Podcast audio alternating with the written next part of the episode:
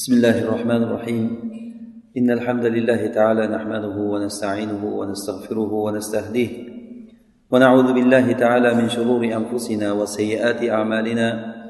إنه من يهده الله فلا مضل له ومن يضلل فلا هادي له. ونشهد أن لا إله إلا الله وحده لا شريك له. ونشهد أن سيدنا وإمامنا وأستاذنا وقدوتنا محمدا عبد الله ورسوله. صلى الله عليه وعلى آله وصحابته ومن اهتدى بهديه إلى يوم الدين وسلم اللهم تسليما كثيرا وبعد السلام عليكم ورحمة الله وبركاته alloh subhanava taolodan madad so'rab muhammad surasini tafsirini ba'zi bir shu suradan olinadigan foydalar haqida so'zimizni davom ettiramiz bu surada alloh subhanava taolo mo'minlar va kofirlarni umuman olganda inson bu hayotdagi yashaydigan insonlar ikki toifa bo'lishligini alloh taolo bayon qildi. Mo'minlarni holatini bayon qildi va ularni qanaqangi kishi bo'lishligi va qaysi sifatlarga ega bo'lishliklari va oxiri boradigan joylari qanaqangi bo'lishligi va kofirlarni kim ekanliklari va ularni boradigan joyi nima ekanligini alloh subhanahu va taolo bayon qildi. Ularni fe'llarini qiladigan ishlarini bayon qildi. Va kofirlarni zimnida bo'lgan munofiqlar haqida ularni kim ekanligini alloh taolo ochiq oydin xalqqa fosh qildi. Bu narsa alloh subhanava taoloni sunnati. Sunnatallohi filladina xalav min qabl li sunnatillahi tabdila. Alloh taoloni bu sunnati bu. oldingi odamlardagi bizdan oldingi odamlardagi ham alloh taoloni sunnati shunday bo'lgan ya'ni bu sunnat shunday bo'ldiki alloh subhanava taolo zolim bo'lgan odamlarni halok qilganligi bugungi yetib kelgan joyimiz suradan من قرية هي أشد قوة من قريتك التي أخرجتك أهلكناهم فلا ناصر لهم ya'ni alloh taolo aytadiki qancha qancha qishloqlar bor. Kaayin kalimasi juda ham ko'p. Sonlik narsaga dalolat qiladi. Qancha qancha qishloqlar borki ular sizni chiqarib yuborgan qishlog'ingizdan ko'ra ular kuch quvvatda kattaroq edilar. Rasululloh sollallohu alayhi vasallamni vatanlaridan chiqishlikka majbur qilgan makka mushriklari o'zlaricha quvvatli odam edi ular. Ya'ni doim urushib yuradigan hech narsadan qo'rqmaydigan odamlar edi. Lekin alloh taolo aytyaptiki sizni bu chiqarib yuborgan odamlardan ko'ra qishlog'ingizdan ko'ra qancha qancha kuchli qishloqlar bor ediki alloh subhanahu va taolo ularni halok qildi. Ularga yordamchi bo'lmadi.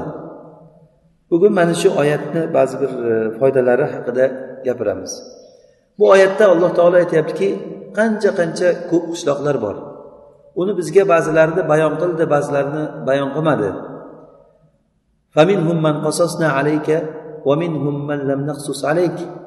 Alloh taolo aytadiki oldingi payg'ambarlardan qanchasini biz sizga qissa qilib ularni voqealarini aytib berdik va ba'zilarini biz sizga aytib bermadik. Ya'ni olloh aytmagan bizdan oldin o'tgan qancha bir ummatlar bor. Lekin ulardagi ollohni sunnati bir xil bo'lgan.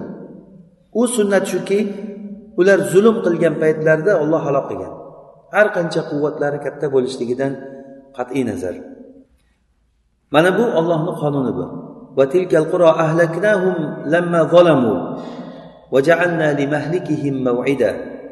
Mana shu qishloqni biz zulm qilgan paytlarida biz halok qildik ularni. Va ularni halok qilishlik uchun biz ma'lum bir vaqt belgilab qo'ydik deydi alloh taolo. Ahlaknahum kalimasidan biz tushunamiz. Mana shu qishloqni biz halok qildik deganligi qishloqni halok qildik deyapti. Qishloq ahlini demasdan. Chunki qishloq ahlini demasdan qishloqni deganligi go'yoki bu shu qishloq ya'ni shaharlar ham qishloq ma'nosida ishlatiladi qur'onda. Ya'ni bu qishloqni hammasini halok qildik degan. Go'yoki bu qishloqdagi odamlarni hammasi hukmi bir xil degan. Odatda o'zi ma'lumki bir qishloqda agar zolimlar bo'ladigan bo'lsa zolimmas odamlar ham bo'ladi qishloq ichida. Ayollar bor yosh bolalar bor. Hech betaraf odamlar bo'lishligi mumkin. Lekin alloh subhanava taolo halok bo'lishlikni shu qishloqni hammasiga nisbat berganligi chunki zolim agar zulm qilgan paytda unga yordam bergan kishi ham unga qarab turib rozi bo'lib turgan odamni ham hukmi bir xil bo'ladi. O'zi aslida bir kishini qilgan gunohini boshqa bir odam ko'tarmaslik kerak. Bu adolatdan alloh taoloni sunnati shunday bo'ldi. Bir gunoh qiluvchi kishini gunohini boshqa bir odam unga mas'ul bo'lmaydi. Har bir qilgan odam o'zini jinoyati uchun o'zi javobgar bo'lishligi bu ollohni adolati bu va sunnati shuni. Alloh taoloni sunnati bu. Buni qur'onda alloh taolo ochiq oydin bayon qildiki birov uchun birov zulmlanmaydi. Har bir odam o'zini qilgan amali uchun javob beradi. Lekin hozirgi mana bu oyatda bu qishloqni hammasini alloh taolo halok qildi. Nega deganda chunki bu qishloqdagi hamma odam o'sha zulmga rozi edi. Xuddiki bu yuz kishini o'ldirgan qotilul mia mashhur hadis. Mana shu hadisda ham bir kishi to'qson to'qqizta odam o'ldirib turib bir rohibni oldiga borib men to'qson to'qqiz kishini o'ldirdim. Agar tavba qilsam tavbam qabul bo'ladimi deganda sen to'qson to'qqizta odam o'ldirgan bo'lsang endi tavbang qabul bo'lmaydi. Deganda bo'lmasa yuzta bo'lsin deb rohibni o'zini ham o'ldirgan. Komil yuzta odam o'ldirgan. Keyin yana vaqtlar o'tib haligi odam pushaymon bo'lganda qilgan ishlariga boshqa bir rohibni oldiga borib turib men yuz kishini o'ldirdim. Tavba qilsam tavbam qabul bo'ladimi deb so'raganda albatta tavbang qabul bo'ladi. Alloh taolo o'zi kechiruvchi zot. Lekin sen yashab turgan qishlog'ingda yomon odamlar yashar ekan. Sen bu qishloqni tashlab boshqa bir qishloqqa ko'chib o'tgin deb unga bayon qiladi. Haqiqiy olim kishini vazifasi mana shunday bo'ladi. Olim kishi agar bir masala haqida so'ralinsa o'sha masalani o'ziga javob berib qo'ymasdan balki so'rovchi yana hali o'zi bilmagan narsa haqida ham unga bayon qilishlik kerak. U odam endi men nima qilayin? Shu qishloqda yashayverayinmi yashamayinmi deb so'ragan emas.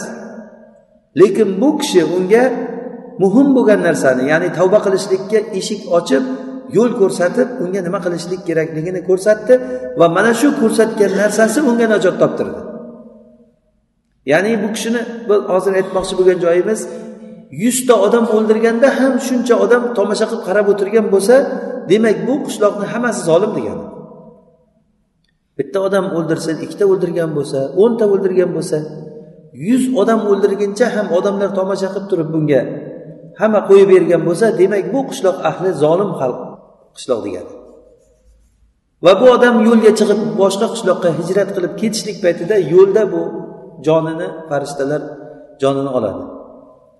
Jannat farishtalari va azob farishtalari talashib qolishadiki bu yuzta odam o'ldirgan buni biz olishligimiz kerak desa jannat farishtalari yo'q buni biz olishligimiz kerak tavba qilgan degan. Alloh taolo aytadiki o'rtalarida masofani hakam qilinglar. Qaysi qishloqqa yaqinroq bo'lsa hukm o'sha bo'lsin degan. Agar yaxshi qishloqqa yaqin bo'lsa yaxshi jannatiy bo'lsin yomon odamlarni qishlog'iga yaqinroq bo'lsa do'zaxi bo'lsin. Hattoki shunchalik darajada hayot mamot vaqti shunga taqaldi keladi alloh taolo haligi qishloqqa yaxshi qishloqqa aytdiki yaqinroq bo'lgin dedi. Yomon qishloqqa aytdiki uzoqroq bo'lgin dedi. O'lchashganlarida yaxshi qishloqqa bir ziro yaqinroq chiqqan va shuni hukmini olib jannatiylar jannatni kafani bilan kafanlanib jannatiy bo'lib ketdi. Demak yaxshilarga bir qarish bo'lsa ham yaqinlashishlikni joyi kelgan paytda mana shu hayot mamot masalasi bo'lib qolar ekan. Muhim mana shu qishloq odamlar zulm qilgan paytda rozi bo'lib o'sha zulmlariga tomosha qilib o'tirsa demak hammasi zolim degan. Agarchi ular zulm qilmagan bo'lsa ham zulm qilmagan bo'lsa ham zulmga qarab tomosha qilib o'tirgan odam o'sha zulmga sherik hisoblanadi. Oxiri hukm chiqarilgan paytda butun qishloq ahlini alloh taolo halok qilganligi ularni zolim deb ataganligi bani isroilni avlodlari bo'lgan yahudlar rasululloh sollallohu alayhi vasallamni davrida qur'on nozil bo'lib turgan paytda rasululloh sollallohu alayhi vasallam yahudlarga xitob qilib aytgan paytida shunday bir oyatlar tushdiki ya'ni sizlar bir paytlar eslanglar bir nafsni o'zlaring o'ldirib qo'yib keyin unda tortishib qolgan paytlaring. Vaholanki u yahudlar o'ldirgan emas ularni ajdodlari qilgan bu ishni ajdodlarini ham ajdodlari ho muso alayhissalom davrida bo'lgan ishni rasululloh davridagi yahudlarga nisbat berilib sizlar mana shunday qildilaring.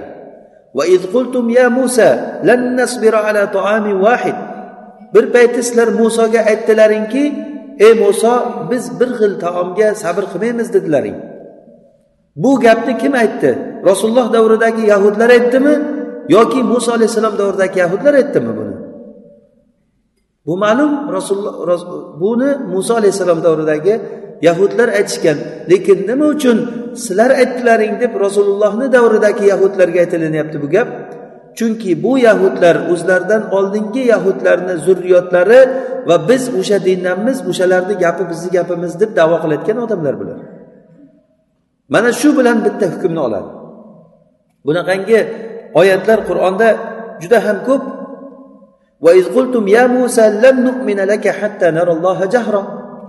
bir payti sizlar aytdilaringki ey yahudlar sizlar aytdilaringki ey muso biz ollohni ochiq oydin ko'rmaguncha iymon keltirmaymiz dedilaring.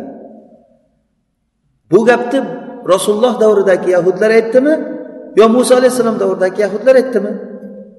Ma'lum muso alayhissalom davridagi yahudlar aytgan lekin rasulullohni davridagi yahudlarga nisbat berilib gapirilyapti bu narsa. Va qultum deb sizlar aytdilaring mana shu narsani demak agarda zulm bo'lib shu zulmga tomosha qilib o'tirgan odamlar rozi bo'lgan odamlar hissasini qo'shgan odamlar avlo yo'l bilan zolim hisoblanadi. Va zolimlarga alloh subhanava taolo nima jazo qilganligini mana oyatlarda ochiq oydin bayon qilingan. Biz kecha o'qigan oyatimizda alloh taolo makka mushriklariga xitob qilib aytgan ediki afalam yasiru fil ardi fayanzuru kayfa kana aqibatul ladina min qabl? Ular yerda sayr qilib o'zlaridan oldingi odamlarni oqibati nima bo'lgan ekanligini ko'rmaydilarmi degan edi. Ya'ni bu makka mushriklariga aytilingan. Ular yerda sayr qilib yamanga borgan paytda ot qavmini asarlarini ko'rishar edi. Shomga sayr qilgan paytlarida samud qavmini lut qavmini asarlarini ko'rishardi. Uylari shundoq teskari bo'lib turgan holatda ular o'tib ketishardi yo'ldan. Yo'lni shundoq chekkasida bo'lgan. Uylar teskari bo'lib turgan holatlarida ular tomosha qilib o'tib ketishgan. Ular mana shunday sayr qilib yerlarda yurib oldingi odamlarni oqibati nima bo'lganligini bilmaydilarmi?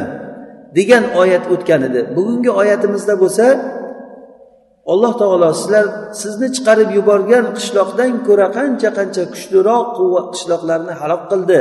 Bu ikkita oyatni farqi shuki bugungi oyatimizda o'qiydigan oyatda bir ziyoda ma'no bor. U ham bo'lsa u qishloqlarni oldingi o'tgan qishloqlar bu makka mushriklaridan ko'ra quvvati katta ekanligi. Doim insonda bir aqida bir insonda bir tushuncha e'tiqod paydo bo'ladiki masalan alloh subhanava taolo bir qavmni halok qilgan bo'lsa keyingi zulm qilgan qavmlar halok bo'lib ketgan qavmdan kuchliroq bo'lsa olloh buni halok qilolmasa kerak degan tushuncha bo'lib qolishligi mumkin. Alloh taolo aytyaptiki sizni qishlog'ingizdan chiqarib yuborgan odamlardan ko'ra qanchalik quvvati katta bo'lgan. Odamlarni biz halok qildik deyapti. Agar ularni halok qilgan bo'lsa masalan ot qavmini gavdalari juda ham katta katta odamlar bo'lgan. Tog'lardan o'ynab uylar yasab yasab qo'ygan. Tog'lardan shunday o'yinga yasab qo'ygan. Sizlar tog'larni uy qilib turib yo'nib yo'nib uy qilib yasab olasizlar degan alloh taolo. Hozirgacha shu tog'lardagi uylari hozirgacha bir asar bo'lib turib odamlarga haligi sayohatchilar borib tomosha qilib rasmga tushirayotgan narsa bo'lib turibdi. Lekin u joylardan ibratlanadigan qalblar juda ham kam.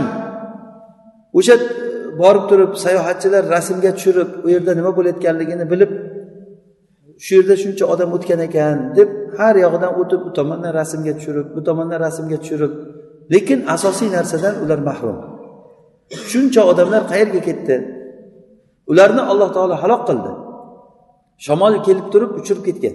Ibn kasir rahimaulloh tafsirida aytadiki alloh taolo bir uzukni miqdorchalik joydan shamol ochib qo'ygan ekan. Uzukni miqdorchalik joydan kelgan shamol ularni xuddiki haligi barglar chilma teshik bo'lib ketgan barglarday qilib tashlagan. Odamlarni ilma teshik qilib tashlagan hammasini. Ya'ni ollohni askarlari valillahi junudu samavati val ard. Butun osmonlar va yerni askarlari ollohniki shamol ollohni askarlaridan. Ollohni askarlariga hech kim qarshi chiqolmaydi. Suv dengizlar ollohni askarlaridan. Agar alloh taolo dengizga bir buyruq qilsa shunday turgan joyda bir ko'tarilsa tamom hech kim qolmaydi. Hozirgi eng quvvatli davlat deb odamlar e'tiqod qilayotgan eng kuchli davlatlar ham har qancha qurollari bo'lsin boshqa bo'lsin oddiy bir suvni oldida hech narsa bo'lmay qoladi. Qancha qancha million ming minglab tonnalab yuklarni ko'taradigan kemalar bu dengiz okeanlarni ichida bir gugut qutib ketayotganday bo'lib ko'rinadi tepadan qarasangiz. Suvni ichiga shunday kirib ketsa hech narsa bo'lmaydi. Hatto topolmay qoladi odamlar o'shani qayerdaligini olib chiqolmaydi ham. Bu ollohni qudratini biz yaxshi bilsak alloh taolo mana shu narsani bildirishlik uchun bizga ularni hikoya qilib beradi. Sizni chiqarib yuborgan qishloqni odamlari ya'ni odamlarni qalbida sizni qishlog'ingizdan haydab chiqqan odamlar sizni qalbingizda juda ham qo'rqinchli bo'lib ko'rinadi. Ular o'ta quvvatli o'ta kuchli odamlar bo'lib ko'rinadi. Lekin mana shu zaiflik tomonini alloh taolo tarbiyalashlik uchun aytyaptiki sizni qishlog'ingizdan chiqargan qancha qancha qishloqlarni biz halok qildik. Vaholanki ular quvvat jihatdan bulardan ko'ra kattaroq edi. Lekin alloh taolo ularni halok qildi. Ahlaknahum fala lahum. Biz ularni halok qildik. Ularni biror bir yordamchi bo'lmadi ularga. Hech bir biriga ham yordam berolmaydi va chekkadan ham bir yordam beruvchi kishi bo'lmaydi. Ushbu oyatda hozir rasululloh sollallohu alayhi vasallamni sizni qishlog'ingizdan deb turib axrojatga min qoryatika deb turib sizni qishlog'ingizdan chiqardi deyapti. Ya'ni bu degani rasululloh sollallohu alayhi vasallam o'zlari yashlab turgan qishloqlaridan ular rasulullohni haydab quvib chiqargan. Xuddiki varaqat ibn navfal ilk bor rasulullohga vahiy kelgan paytda rasululloh sollallohu alayhi vasallam hadija onamizga men juda qo'rqdim menga bo'lgan farishta kelib turib shunaqa shunaqa voqealar bo'ldi hiro g'orida degan paytlarida hadicha onamiz rasulullohga dalda berib siz hech xafa bo'lmang alloh taolo sizni hech ham yomonlikka duchor qilmaydi. Chunki siz doim ezgulik qilasiz odamlarga yaxshilik qilasiz deb rasulullohni sifatlarini sifatlab keyin rasulullohni hadichani amakisi varaqat ibn navfalni oldiga olib boradi. Varaqat ibn navfal bu kishi ahli kitoblarni kitoblaridan o'qigan nasoro dinidagi kishi edi. Ya'ni ahli ilm kishilardan bo'lgan. Rasululloh bilan gaplashgandan keyin aytgan ekanki senga bu kelgan farishta musoga kelgan farishta ekan degan. Qaniydi men seni qavming qishlog'ingdan quvib chiqargan paytda yosh yigit bo'lganimda senga yordam berardim degan. Shunda rasululloh ajablandilar. Hali meni qishlog'im meni qishlog'imdan quvib haydab chiqaradimi? Deganda sen keltirgan gapni bu ishni kim keltirsa unga qarshi dushmanchilik qilingan degan. Ya'ni rasululloh sollallohu alayhi vasallamni dini agarda shu dinni kimda kim agar komil xuddi rasululloh ado qilganday ado qilsa albatta unga dushmanchilik qilinadi. Qaniydi o'sha kunlarda men seni qavming qishlog'ingdan haydab chiqqan paytda men seni agar yosh yigit bo'lganimda juda ham senga kuchim yetgancha yordam bergan bo'lardim degan.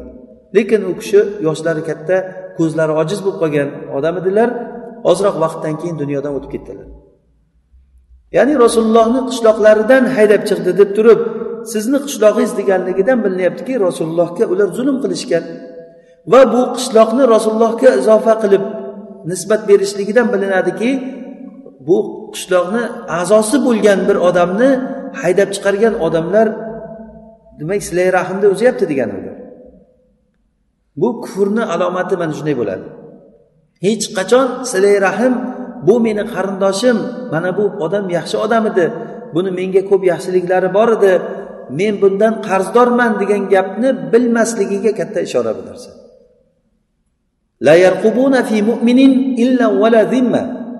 alloh taolo kofirlar haqida gapirganda aytadiki ular mo'min kishida na bir qarobatni na bir ahdi zimmani biladi. Mo'min kishiga nisbatan ularni tutadigan yo'li mana u meni qarindoshim ekan degan narsani bilmaydi. Modomiki o'rtada iymon masalasi turibdimi? Iymon masalasi kelgan paytda u yerda qarindoshchilik ham u yerda boshqa bir va'dalar ham rol o'ynamaydi. Bu bitta masala iymon bilan kufr o'rtasidagi jang bu. Bu ollohni sunnati bu. Inson zulm insonni qalbiga mahkam o'rnashgandan keyin inson zulm qilishlik tabiatiga aylanib qolgandan keyin hamma odamlarga zulm qilishlikni boshlaydi. Dastlab o'zini qarindoshlarini himoya qilishlik uchun boshqa odamlarga zulm qiladi. Sen meni qarindoshimga yomon gapiribsan meni qarindoshimni haqini yebsan meni qarindoshimga gapiribsan deb boshqa odamlarga zulm qilishlikni boshlaydi va keyin keyin o'zini qarindoshlariga zulm qilishlikni boshlaydi. va keyin keyin o'ziga eng yaqin kishilarga ham zulm qilishlikka o'tadi nega chunki inson tabiati mana shunday yaratilingan inson zulmga qadam qo'ygandan keyin bu yo'lni oqibati mana shu joygacha olib boradi ayni mana shu narsani makka mushriklari rasululloh sollallohu alayhi vasallamga qo'lladilar لقد خلقنا الإنسان في أحسن تقويم ثم رددناه أسفل سافلين إلا الذين آمنوا وعملوا الصالحات ya'ni alloh taolo aytadiki biz insonni nihoyatda komil bir ko'rinishda yaratdik. Ya'ni bu nafaqat insonni shakli bu yerda. Insonni fe'llari insonni xulqi inson axloq odoblari tutadigan yo'llari qiladigan ishlari nihoyatda insonni biz to'g'rilikka moyil qilib yaratdik. Keyin esa bu inson buzilib turib asfali sofilinga eng past bo'lgan razil ishlarga kirib ketdi. Illo iymon keltirib solih amal qilgan odamlar bu ishlardan saqlanib qoldi. Demak mana shu oyatda agar biz taammul qiladigan bo'lsak ham bitta biz haqiqatni bilib olamizki iymon keltirgan va solih amal qilgan odamlardan tashqari odamlar asfali sofilinga ketgan degani. Bu asfali sofilin eng tubanlarni tubani zulm masalasi bo'lsa eng tuban zulmga kirib ketadi. Harom yeyish masalasi bo'layotgan bo'lsa eng tuban harom yeyishga kirib ketadi. Yolg'on gapirish masalasi bo'layotgan bo'lsa nihoyatda tuban yolg'on gapirishlikkacha boradi. Hattoki shu darajagacha borishadiki robbil alaminga ollohga yolg'on gapirishlikkacha boradi. Bu ollohni sunnati bu. Faqatgina iymon keltirgan va solih amal qilgan odamlar bundan mustasno. Demak hozir biz shu oyatni yaxshilab taammul qilsak alloh taolo aytyaptiki biz insonni to'g'ri holatda yaratdik. Ya'ni fitratda yaratilinganligi bu. Yani hadis qudusiyada ham alloh taolo aytadiki men bandalarimni fitratda to'g'ri qilib hanif qilib yaratdim. Inni xalaqtu ibadi hunafaa fajtalathum shayatin. Men bandalarimni hanif qilib to'g'ri qilib yaratdim ularni shaytonlar kelib turib ovlab olib ketib qoldi degan. Shaytonlar kelib turib ularni fikrlarini ularni qalblariga kirib turib ularni ilmlarini buzdi. Inson noto'g'ri ilm paydo bo'lgandan keyin keyin asfali sofilinga qarab ketadi xuddi shunday alloh taolo aytyaptiki biz insonni to'g'ri holatda yaratdik.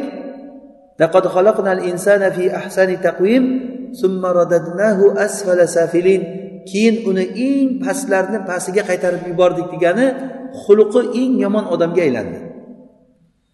Hamma muomalada hamma yo'lida eng razil odamga aylandi. Illo bundan mustasno bo'lgan kishilar iymon keltirgan va solih amal qilgan kishilar bundan mustasno.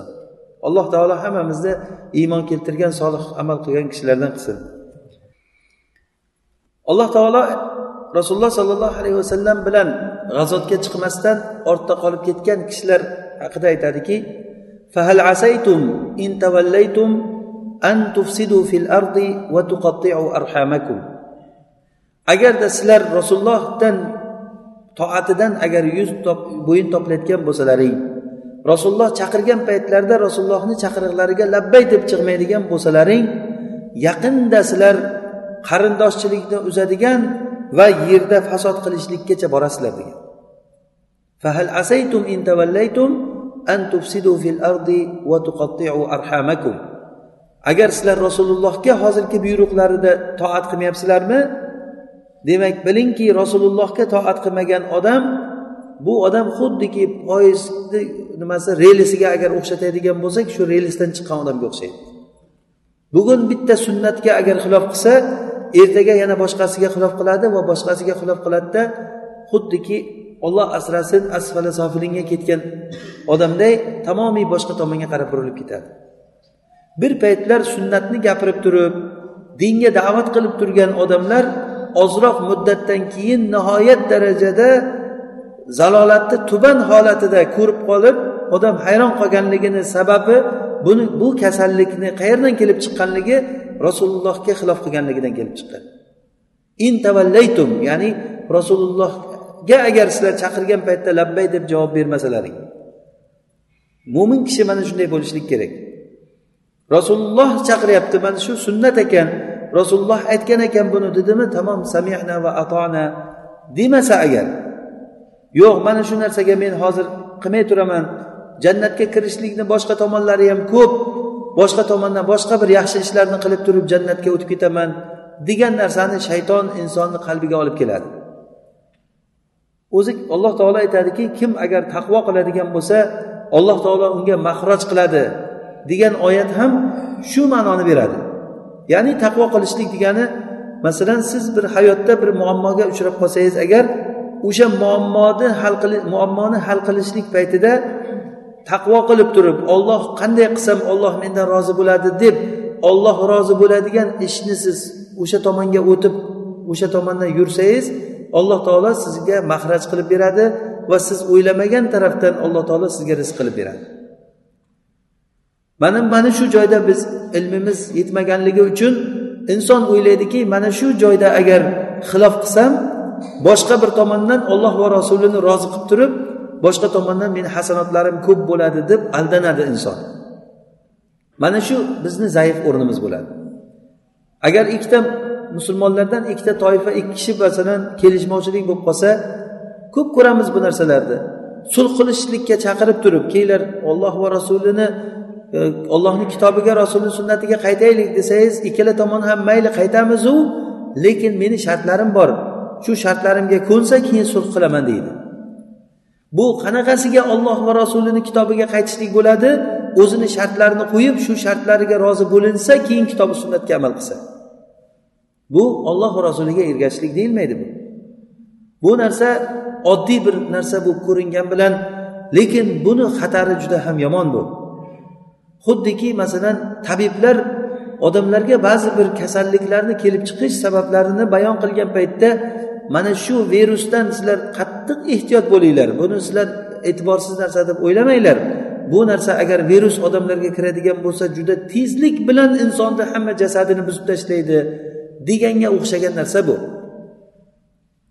Hozir mana shu gapni aytyapmiz bu narsa qattiq omonat bu hammamizga. Bu narsa shuki olloh va rasuliga toat qilishlikda labbay deb javob berishlik. Har qanaqangi holat bo'lsin. Xursand bo'lib turgan paytingizda ham xafa bo'lib turgan paytingizda ham kambag'al paytingizda ham boy bo'lgan paytingizda ham. Ba'zi kishilar boy bo'lgan vaqtda yaxshi toat qilib masjidlarga borib jamoatlarga qatnab yurgan kishilar ish yurishmay qolgan paytda namozni ham o'qimay qo'yaveradi. Yoki buni aksi ba'zi kishilar kambag'al bo'lgan paytda namozga qatnab masjiddan chiqmay ibodatlar qilib qolgan odam ishlari yurishib hamma tomon yaxshi bo'lib ketgan paytda umuman namozga ham qatnashmay umuman fasod ishlarni qilib ketgan kishilar qancha? Bu imtihon dunyosi alloh subhanava taolo bizga bayon qiladiki yo'l ikkita hozirgi mana shu sura bizga mo'minlarni manhajini bizga bayon qilib beradi. Boshqa yo'l yo'q. Yo siz mo'minlar yo'liga kirib turib oxiri mana shu joygacha borasiz? Tagidan anhorlar oqadigan jannatga yoki bo'lmasa agar bu yo'lda agar inson istiqomatda turmasa billah oyog'i toysa ketdi narigi tomonga qarab. Demak rasulullohni qishlog'idan chiqargan odamlar hozir qishloqni rasulullohga nisbat berib aytilishligidan ma'lum bo'ladiki o'sha qishloq ahli rasulullohni qarobatini uzgan. Qarindoshchilikka rioya qilmagan ular. Rasululloh u qishloqqa kelganda odam emasdilar. Bir yerdan kelib turib da'vat qilib turib odamlar qarab turib gapi yoqmagandan keyin ket bu yerdan deb turib chiqarib yuborgan odam emas edi.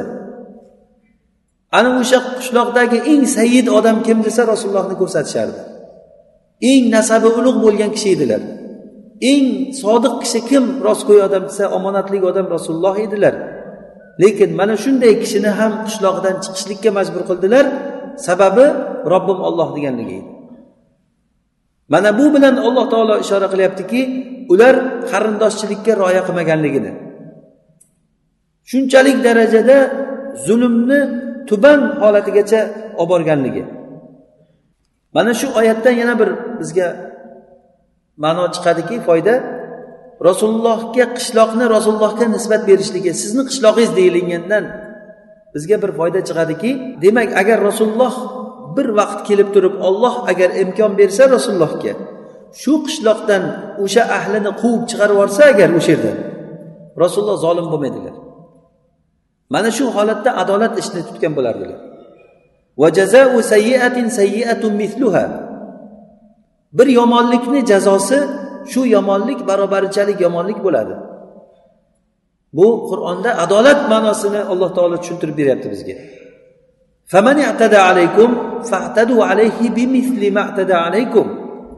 Agar kimda kim sizlarga bir tajovuz qilib haqlaringga tajovuz qilsa sizlar ham ularga xuddi shunday muomala qilsanglar ana shu adolat bo'ladi. Bundan oshiqcha bo'lsa adolatdan chiqqan bo'ladi kishi. Hozir rasulullohni o'zlarini qishloqlaridan ular haydab chiqyaptimi? Joyi kelgan paytda rasululloh makka fath bo'lgandan keyin ularni agar shu makkadan sizlarni yashashlikka haqlaring yo'q hammalaring ketinglar bu yerdan desa o'shanda rasululloh adolatni tutgan bo'lardilar. Mana shu adolatga ishora qilib turib alloh taolo aytyaptiki sizni qishlog'ingizdan haydab chiqargan qavm deyapti. Sizni qishlog'ingiz deganligi shuni beradi. Chunki bunda rasululloh sollallohu alayhi vasallam yashashlikka haqqi bor edi. O'sha joyda tug'ilgan edi o'sha joyda yashab o'nib o'sib katta bo'lgan edilar agar fikrda bir biri bilan kelishmay qolsa nimaga endi u odamlar yoqmasa o'zlari chiqib ketmasdan rasululloh chiqib ketishliklari kerak? Bu ayni zulm bu. Rasulullohni chiqishlikka majbur qilib sen ibodatingni zohir qilmagin. Ibodatingni bizga zohir qilma ko'rsatma ibodatingni.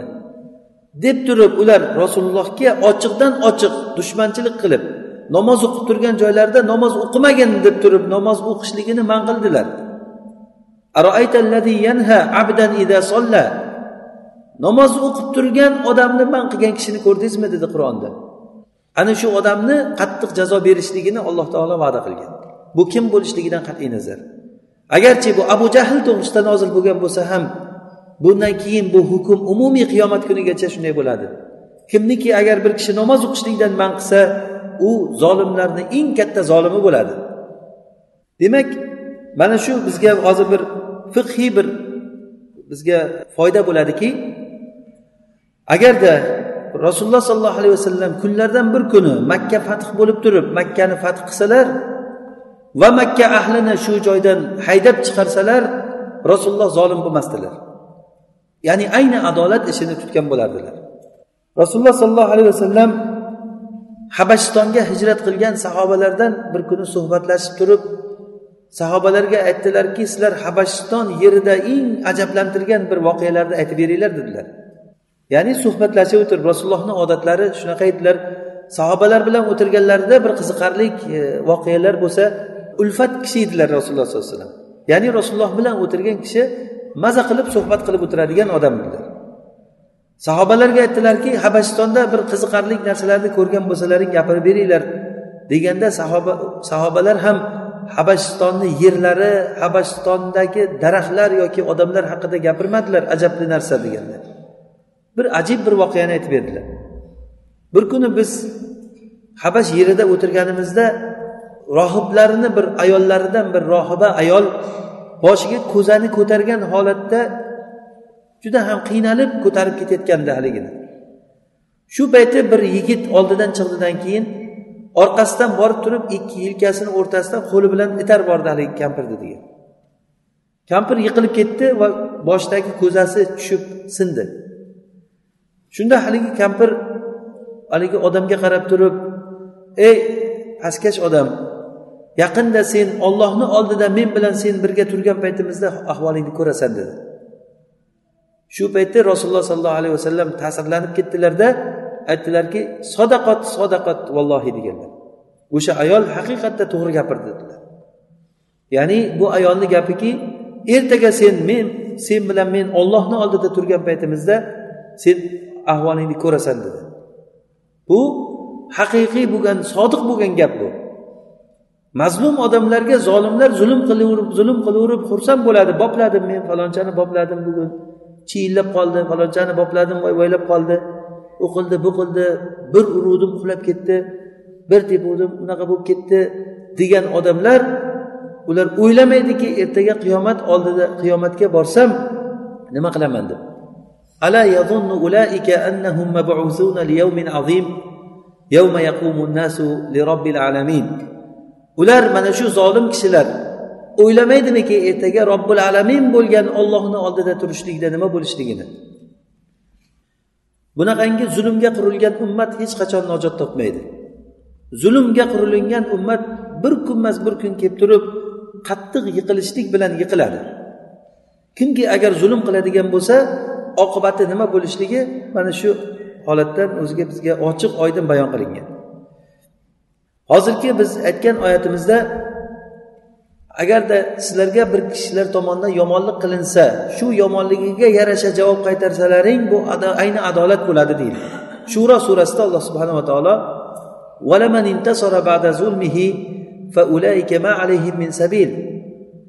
kimki mazlum bo'lgandan keyin o'zini haqini olsa unga hech qanaqangi malomat yo'q. Sen noto'g'ri qilding sen xato qilyapsan qo'y bunday qilmagin deyishlikka hech kimni haqqi yo'q. Kimki agar uni qo'y bunday qilma desa o'sha odam zolim bo'ladi. Malomat kimga? Odamlarga zulm qiladigan va ularni haqini nohaq haqlarini tortib oladigan odamlarga bo'ladi. Agarda kimda kim mazlum bo'lsa va o'zini haqqini boshqadan olsa bu adolat bo'ladi. Mana bu narsa muqtasidlarni holati. Ammo kimki agar valaman afa va sabr min azmil umur. Kimki agarda afu qilsa va sabr qilsa bu azmil umur haqiqiy ish bu. Ya'ni bu siddiqinlarni bu sabiqunlarni ishi bu.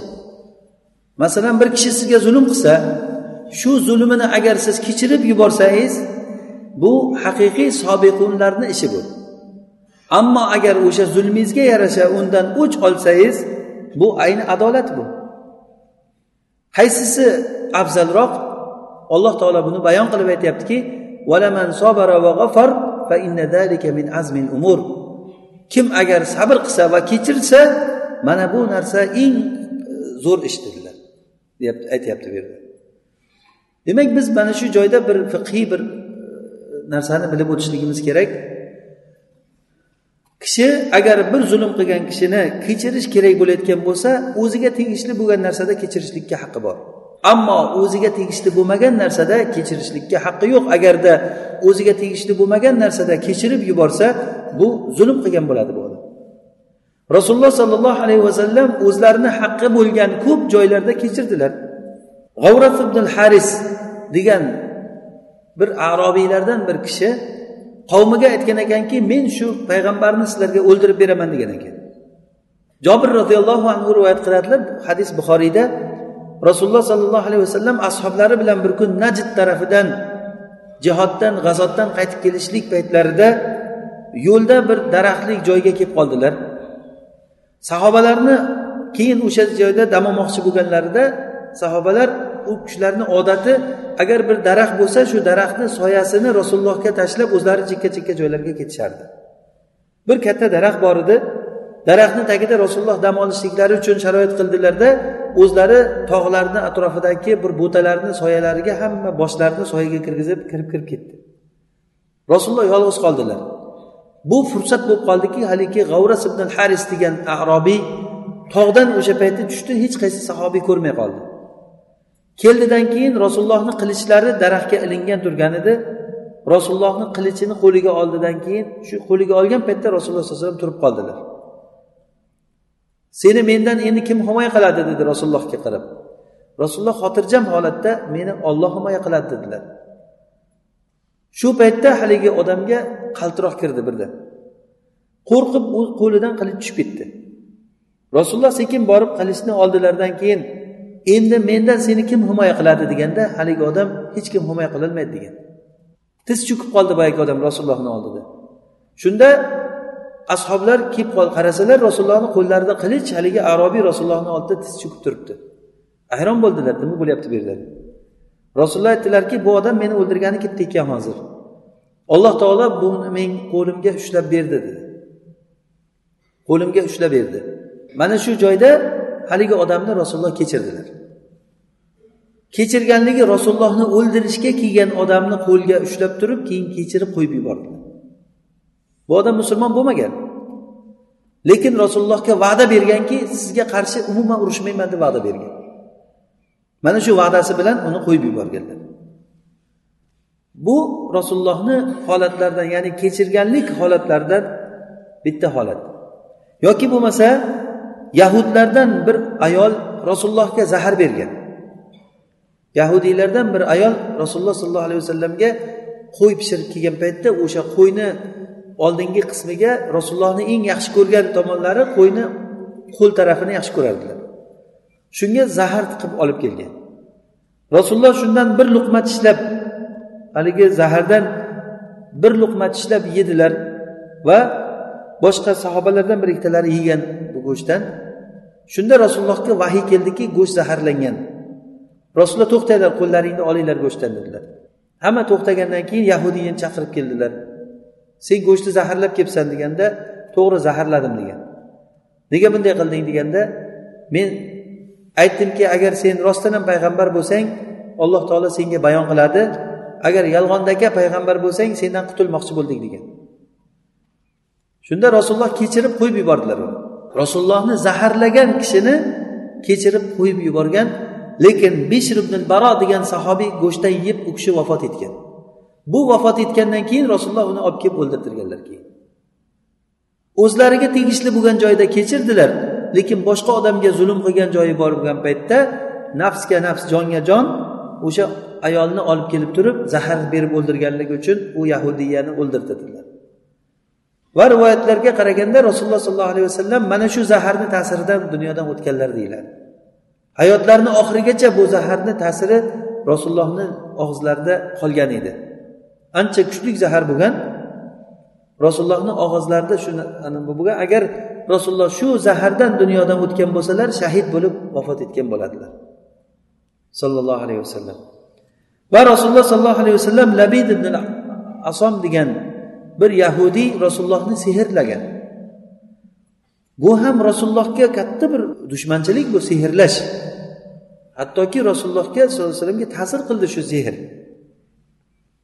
Keyin rasululloh bir kun uxlab yotgan paytlarida ikkita farishta kelib turib qush suratida ikkita farishta kelib turib bir biri bilan gaplashgan.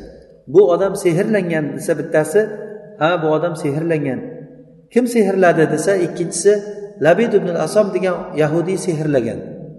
Nima bilan sehrladi deganda xurmoni gul kosasiga bir juntuklarni solib turib shuni nima qilib bir falon joydagi quduqni ichiga tashlagan quduqni suv oladigan nimasi bor ekan? Toshi. O'sha toshni tagiga qo'yib qo'yibdi sehrni degan. Keyin rasululloh sahobalarni ali roziyallohu anhuni yuborganlar borib turib haligini olib kelgan. O'sha uni ochaman deguncha ham jibril rasulullohga muavvazatayn surasini nozil qilgan. Ya'ni usiz ham alloh taolo o'zi menga shifo berdi. Va bu sehrni rad qiladigan suralar nozil qildi. Muavvazatayn. Bu sehrga va ko'z tiyishlikka shunaqangi vasvas jinlarga o'qilinadigan hamma uchun rahmat bo'lgan oyatlar nozil bo'ldi. Rasululloh sollallohu alayhi vasallam o'sha odamni kechirdilar. Va yana bir misoli sumamat ibn usal al hanafiy degan bir kishi banu hanifa qabilasidan bo'lgan u kishi. Banu hanifa qabilasini kattalaridan podshosi bo'lgan ya'ni aytganda. O'sha qabilani kattasi bo'lgan. Shu odam rasulullohni o'ldirmoqchi bo'lgan ekan. Rasulullohni o'ldirishlikka qasd qilganligini rasulullohga bilingan xabari kelgandan keyin sizni shu odam o'ldirmoqchi ekan deb xabari kelganda rasululloh duo qildilarki ey robbim shu odamni meni qo'limga ushlab bergin deb duo qildilar. Ozroq vaqtdan keyin bu kishi bir yolg'iz o'zi bir chekkada yurgan paytlarida sahobalardan bir bir qancha qo'shin bir vazifa bilan chiqib nimadan qaytib kelayotgan paytlarida u odamni yo'lda uchratib qoladilar. U kishini tanimasdan ham asr qilib ushlab olib keladi. Olib kelib masjidga baylab qo'yadi. Qarasa rasululloh sallallohu alayhi vasallam sumamat ibn usal baylangan turibdi. Keyin rasululloh borib turib ey sumama sen e, endi nima qilmoqchisan? deydi. Shunda bu odam aytadiki agar sen o'ldiradigan bo'lsang bir orqasida sendan o'ch oluvchi bor odamni o'ldirgan bo'lasan. Ya'ni men quruqdan quruqqa o'lib ketavermayman. Orqamda o'ch oladigan odamlarim bor. Agar yaxshilik qilsang men shukur qilaman quruqdan quruqqa ketmayman. Ya'ni yaxshiligingga yaxshilik bilan javob qaytaraman. Agar pul kerak bo'lsa qancha bo'lsa so'ragin beraman degan. Keyin rasululloh indamay gapirmasdan ketganlar. Ertasi kuni kelib turib sahobalarga aytganki sumamaga yaxshi taomiga yaxshi qaranglar deganlar. Chunki u ulug' qabilani ulug' odami. Ertasi kuni kelib turib ey sumama senda nima xabarlar nimani xohlayapsan endi nima qilmoqchisan? deganlarida u yana o'sha gapini qaytardi. Agar o'ldiradigan bo'lsang meni qavmim senga javobsiz qoldirmaydi. Agar yaxshilik qiladigan bo'lsang bekordan bekorga men bilmay ketavermayman yaxshilikni jazosini qaytaraman. Agarda senga pul kerak bo'lsa aytgin men qancha pul kerak bo'lsa beraman dedi. Rasululloh yana indamasdan ketib uchinchi kuni kelib turib ey sumama senda nima xabarlar? deganda yana shu gapni qaytardi. Shu gapni qaytargandan keyin rasululloh sumamani yechib yuboringlar degan. Rasulullohni o'ldirishlikni qasd qilgan odam qo'liga tushib arqonga baylanib rasulullohni qo'lida asir bo'lib turgan holatida rasululloh sollallohu alayhi vasallam uni yechib yubordilar yaxshilik qilib mana bu narsa eng siddiqinlarni haqiqiy sabiqunlarni qiladigan ishi. Bu kechirishlik o'ch olaman deb o'ch ololmay jazolayman deb jazolay olmay qolgandan keyin ey kechirdim deyuborish emas. Qo'liga tushib arqoniga baylangan holatda o'ldirsa o'ldiradigan agar fidyasini olsa fidya olib pul oladigan darajada qo'liga tushib turibdi bu odam. Mana shu holatda rasululloh sollallohu alayhi vasallam sumamani kechirib yubordilar. Sumama borib turib madinani bir bog'laridan bir bog'iga kirib o'sha yerdagi suvga yaxshilab g'usul qilib cho'milib kiyimlarini yuvib qaytib kelib turib rasulullohni oldiga kelib turib ey rasululloh vallohi yer yuzida sizni yuzingizdan ko'ra g'azabli yuz yo'q edi menga. Sizni shahringizdan ko'ra yomon shahar yo'q edi. Sizni diningizdan ko'ra yomon din yo'q edi. Vallohi bugundan boshlab sizni yuzingizdan ko'ra menga seviklik yuz bo'lmadi degan. Sizni shaharingizdan ko'ra menga seviklik shahar sizni diningizdan ko'ra seviklik din menga yo'q degan. Iymon keltirdi. Shunda u kishi ey rasululloh men umra qilaman deb chiqqan edim o'zi asli uyimdan. Umraga bormoqchi edim deganda umraga borgin dedilar. Keyin bu kishi umraga borib turib umra qilib ya'ni musulmon bo'lganligini oshkor qilgandan keyin u yerdagi odamlar hammasi makka mushriklari bu kishiga qattiq gaplarni gapirib yomon gapiraman deganda aytgan ekanki sizlarga bugundan boshlab biz tomondan bir dona ham don kelmaydi degan. Bir qatra ham don kelmaydi. Ya'ni makka makkaga don banu hanifa qabilasidan kelar ekan. Va borib turib qavmidan donni man qilib qo'ygan. Makkaga keladigan donlar tamom yopilgan. Shu darajada makka ahli och qoldiki hattoki o'laksalarni yeyishgacha bordi.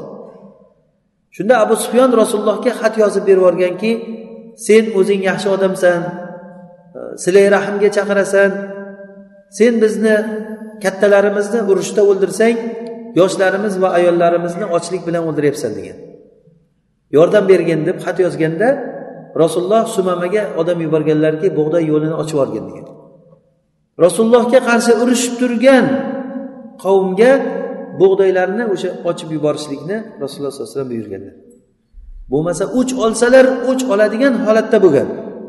Bir vaqtlar rasulullohni va rasulullohga iymon keltirganligi uchun u kishini qavmi qarindoshlarini hammasini butun quraysh makka ularni hammasini ajratib tashlab makkadagi abu tolibni bir shebi bo'lgan abu tolibni bir dala hovlisi o'sha hovliga qamab qo'ygan hammalarini uch yil hech narsa bermagan ularga.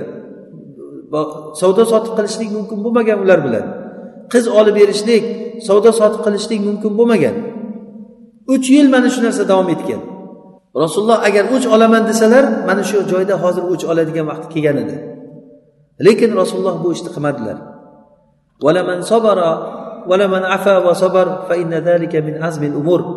Kimki agar afu qilib haqidan kechib kechiradigan bo'lsa bu juda ham nihoyatda bir azimatlik ish bu. Nihoyatda ulug' ish bu. Ammo agar bu narsa bir kishini haqqiga taalluqli narsa bo'lsa buni kechirishlik mumkin emas. Mana hozirgi hadisda rasululloh sollallohu alayhi vasallamni zaharlagan yahudiya ayolni kechirib yubordilarda zaharlaganligi uchun kechirib yubordilar keyin beshir ibn baro roziyallohu anhu dunyodan o'tganlarida o'sha sababli keyin uni o'ldirtirganlar. Xuddiki yusuf alayhissalomni akalari u kishiga qancha dushmanchilik qildilar? Yoshligida u kishini olib borib turib zulm bilan quduqqa tashladilar. Keyin vaqtlar o'tib turib o'zlari muhtoj bo'lib yusuf alayhissalomni oldiga borib qoldi hammalari. Shunda yusuf alayhissalomni ishlari fosh bo'lib ularni ishlari fosh bo'lib hammalari hijolat bo'lib qolgan paytlarida yusuf alayhissalom bir ajoyib bir qoidani aytdilarki la tasriba alaykumul yawm yaghfirullohu lakum. Sizlarga bugun hech qanaqangi bir ayblash yo'q deganlar. Tasrib kalimasi kalom bilan yumshoqqina bir gap tegizib qo'yish degani. Ya'ni bir qo'l bilan urishlik yoki so'kishlik emas balki tasrib kalimasi kalom bilan ozroq gap yedirib qo'yish o'shanaqangi gap ham yo'q dedilar. Alloh taolo sizlarni kechirsin deb duo qildilar. Mana bu payg'ambarlarni yo'li. Biz har kuni namozda اهدنا الصراط المستقيم. mustaqim sirotal ladina an'amta alayhim المغضوب mag'dubi alayhim الضالين deymiz. Ya'ni buni ma'nosi bizni payg'ambarlar yo'liga yo'llagin degani. Payg'ambarlarni yo'li ularni yo'li mana shunday azimatni tutish bo'lgan. Fuzayl ibn iyoz rahimaullohni oldilariga agar bir kishi kelib turib bir odamdan shikoyat qilsa mazlum bo'ldim menga zulm qildi u bo'ldi bu bo'ldi deb agar shikoyat qilsalar bu kishini odatlari aytadilarki sen birodaringni kechirib yuborgin. Kim kechiradigan bo'lsa kim agar faman afa va aslaha fa ajruhu alalloh kim agar kechirib afu qilsa buni ajri ollohga bo'ladi degan oyatni aytib u kishi afu qilishlikka chaqirar ekanlar agarda afu qilmasa yo'q men kechirmayman undan o'ch olishligim kerak haqimni undirib olishligim kerak deb turib olsa agar u odam bu kishi aytar ekanlarki agarda sen o'ch olishlikni yaxshi eplay olsang o'ch olgin. Bo'lmasa ishing og'ir bo'ladi der ekan. Ya'ni o'ch olishga qudrating yetsa olgin demadilar. O'ch olishlikni yaxshi chiroyli yo'l bilan qila olsang olgin degan. Ya'ni shunday yo'l tutish kerakki bunda siz o'ch olmoqchi bo'lgan odamga zulm qilib qo'ymaslik kerak. Qancha qancha musulmon birodarlar o'rtasida musulmonlar ichida bo'ladigan holatlarni ko'rasizki masalan pul oldi berdida bir kishi birovdan pul olib bermay ketgan bo'lsa zulm qilib ketgan bo'lsa keyin u o'zini haqini undan undirib olish paytida zulm yo'li bilan undirib olganlarni ko'rasiz. Masalan uni ishini bir zo'ravon odamlarga aytib u zo'ravonlar uni chaqirib urib qo'rqitib buni haqidan yarmini o'zlari olib qolib turib hech qanday haqqi yo'q ularni olib qolishlikka. Lekin ular o'rtada yechib yechib beruvchi masalaga hal qiluvchi odamlar deb o'zlarini o'zlari bir zo'ravon odamlar zolim odamlar ular. Agar shu o'sha zolim odamlarga siz murojaat qilsangiz albatta bu sizni birodaringizga ular zulm qiladi. Buxoriy rahimaullohni bir xorazmlik bir kishi aldab ketgan ekan. Yigirma besh ming pulini olib turib bermay ketgan ekan. Yigirma besh ming pulini. Katta pul bo'lgan bu. Shunda u kishi juda ham qiynalib qolgan tirikchiligida. Sheriklari rahmi kelganligidan aytgan ekanki o'sha xorazmni amiriga bir xat yozib yuboramiz. Sizni haqingizni undirib beradi undan deganda yo'q u ishni qilmanglar meni ishimga aralashmanglar degan ekan. Qattiq raddiya bergan ekanki bu ishni qilmanglar deb keyin shunda ham sheriklari buxoriyga ichi achiganligidan xorazmni amiriga xat yozib yuborgan buxoriydan falonchi odam yigirma besh ming pul olib turib yeb ketdi. Bermay yuribdi. Shunda amir endi buxoriyni juda hurmati katta kishi qoziga aytib tez hal qilgin bu ishni deganda qozi haligi odamni ham chaqirib turib buxoriyni qozixonaga chaqirgan ekan keling.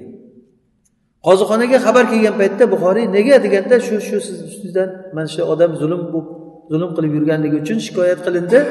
Sizni haqqingizni undirib beriladi. Deganda sheriklardan ko'p xafa bo'lgan ekanlar. Nimaga meni ishimga aralashdinglar men sizlarga aralashmanglar degan edim men rasulullohni hadisiga amal qilmoqchi bo'lgan edim rasululloh aytganlarki mo'min kishi qo'rqitilinmaydi deganlar. Al muslim la yuravva deganlar. Musulmon odam qo'rqitilinmaydi degan. Ya'ni bu hadisni o'zi aytilishligi sababi sahobalar bir kuni g'azotdan kelishlarida yo'lda dam olib o'tirgan paytlarida bir sahobiyni qurolini yashirib qo'yganlar hazil qilib. Keyin u odam uyqudan turib turgan paytda qarasa quroli yo'qligini ko'rib qo'rqib ketgan kim meni qurolimni oldi deb.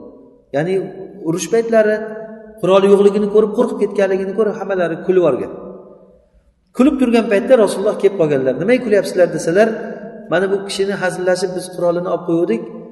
Hammamiz shunga hozir kulib turibmiz deganda rasululloh aytdilarki musulmon odam qo'rqitilinmaydi dedilar.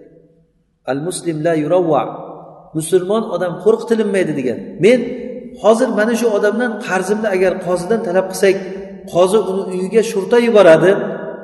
Shurta borgandan keyin u odam qo'rqib ketadi. Rasululloh aytganki musulmon qo'rqitilinmasin degan men u odamni qo'rqitishlikka sabab bo'lib qolaman degan. Mayli shu yigirma besh mingni bersa berar. Bo'lmasa ollohdan bu degan.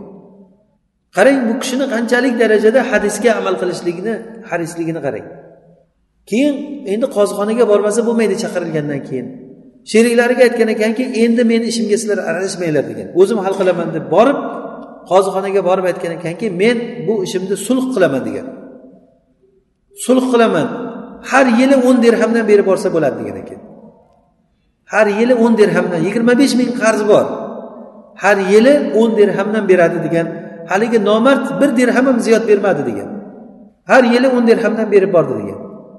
Ya'ni bu rasulullohni hadislariga amal qilishlik uchun buxoriy rahimaulloh haqlaridan kechganlar.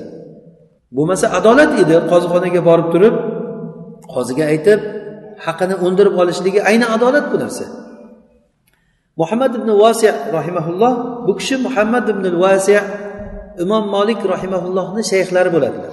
Nihoyat darajada zuhd bilan amal bilan mashhur kishi bu kishini. Juda ham hikmatlari ko'p nasihat gaplari nihoyat ko'p bu kishini. Bu kishini basrani amiri marvon ibn muhallabni oldiga olib borilgan paytda marvon ibn muhallab shu odam aytgan ekanki bu kishiga nima hojating bor? Deb so'raganda meni hech qanday hojatim yo'qu senga bir nasihatim bor. Agar sen bani adini birodariday bo'lishlikni qo'lingdan kelsa shunday bo'lgin degan ekanlar. Amirga u kim u bani adini birodari? deganda aytgan ekanki u odam ala ibn ziyad degan kishi. Ala ibn ziyad bir joyga o'zini omilini ya'ni bir ish bilan ya'ni mansabdor odam bo'lgan. Jo'natish paytida unga vasiyat qilgan ekanki sen shu narsani bilginki zulmdan yengil holatda uxlab qo'ling musulmonlarni qonidan va molidan qo'ling ozod bo'lgan holatda uxlashlik qo'lingdan kelsa shunday uxla degan ekan. Ya'ni kishi agar biror bir kishini molini yemasdan biror bir kishini qoniga nohaq tajovuz qilmasdan yurishligi nihoyat darajada bu hayotda u odamni rohati bo'ladi.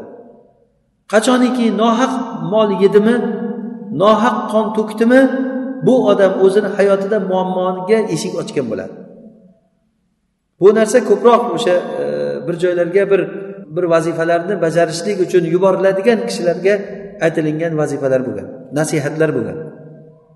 Musulmon kishi o'zini erzini ya'ni o'zining nomoyi amalini saqlashlikka shunchalik darajada haris bo'lishlik kerak. inshaalloh suhbatimizni davomi bor hali inshaalloh alloh taolo agar ajalga baqo bergan bo'lsa yana bu darsimizni kelgan joydan davom ettiramiz alloh subhanava taolo hammamizni o'zini yo'lida sobit qadam qilsin eshitgan narsalarimizga amal qilishlikni alloh taolo o'zi tavfiq bersin سبحانك اللهم وبحمدك نشهد أن لا إله إلا أنت نستغفرك ونتوب إليك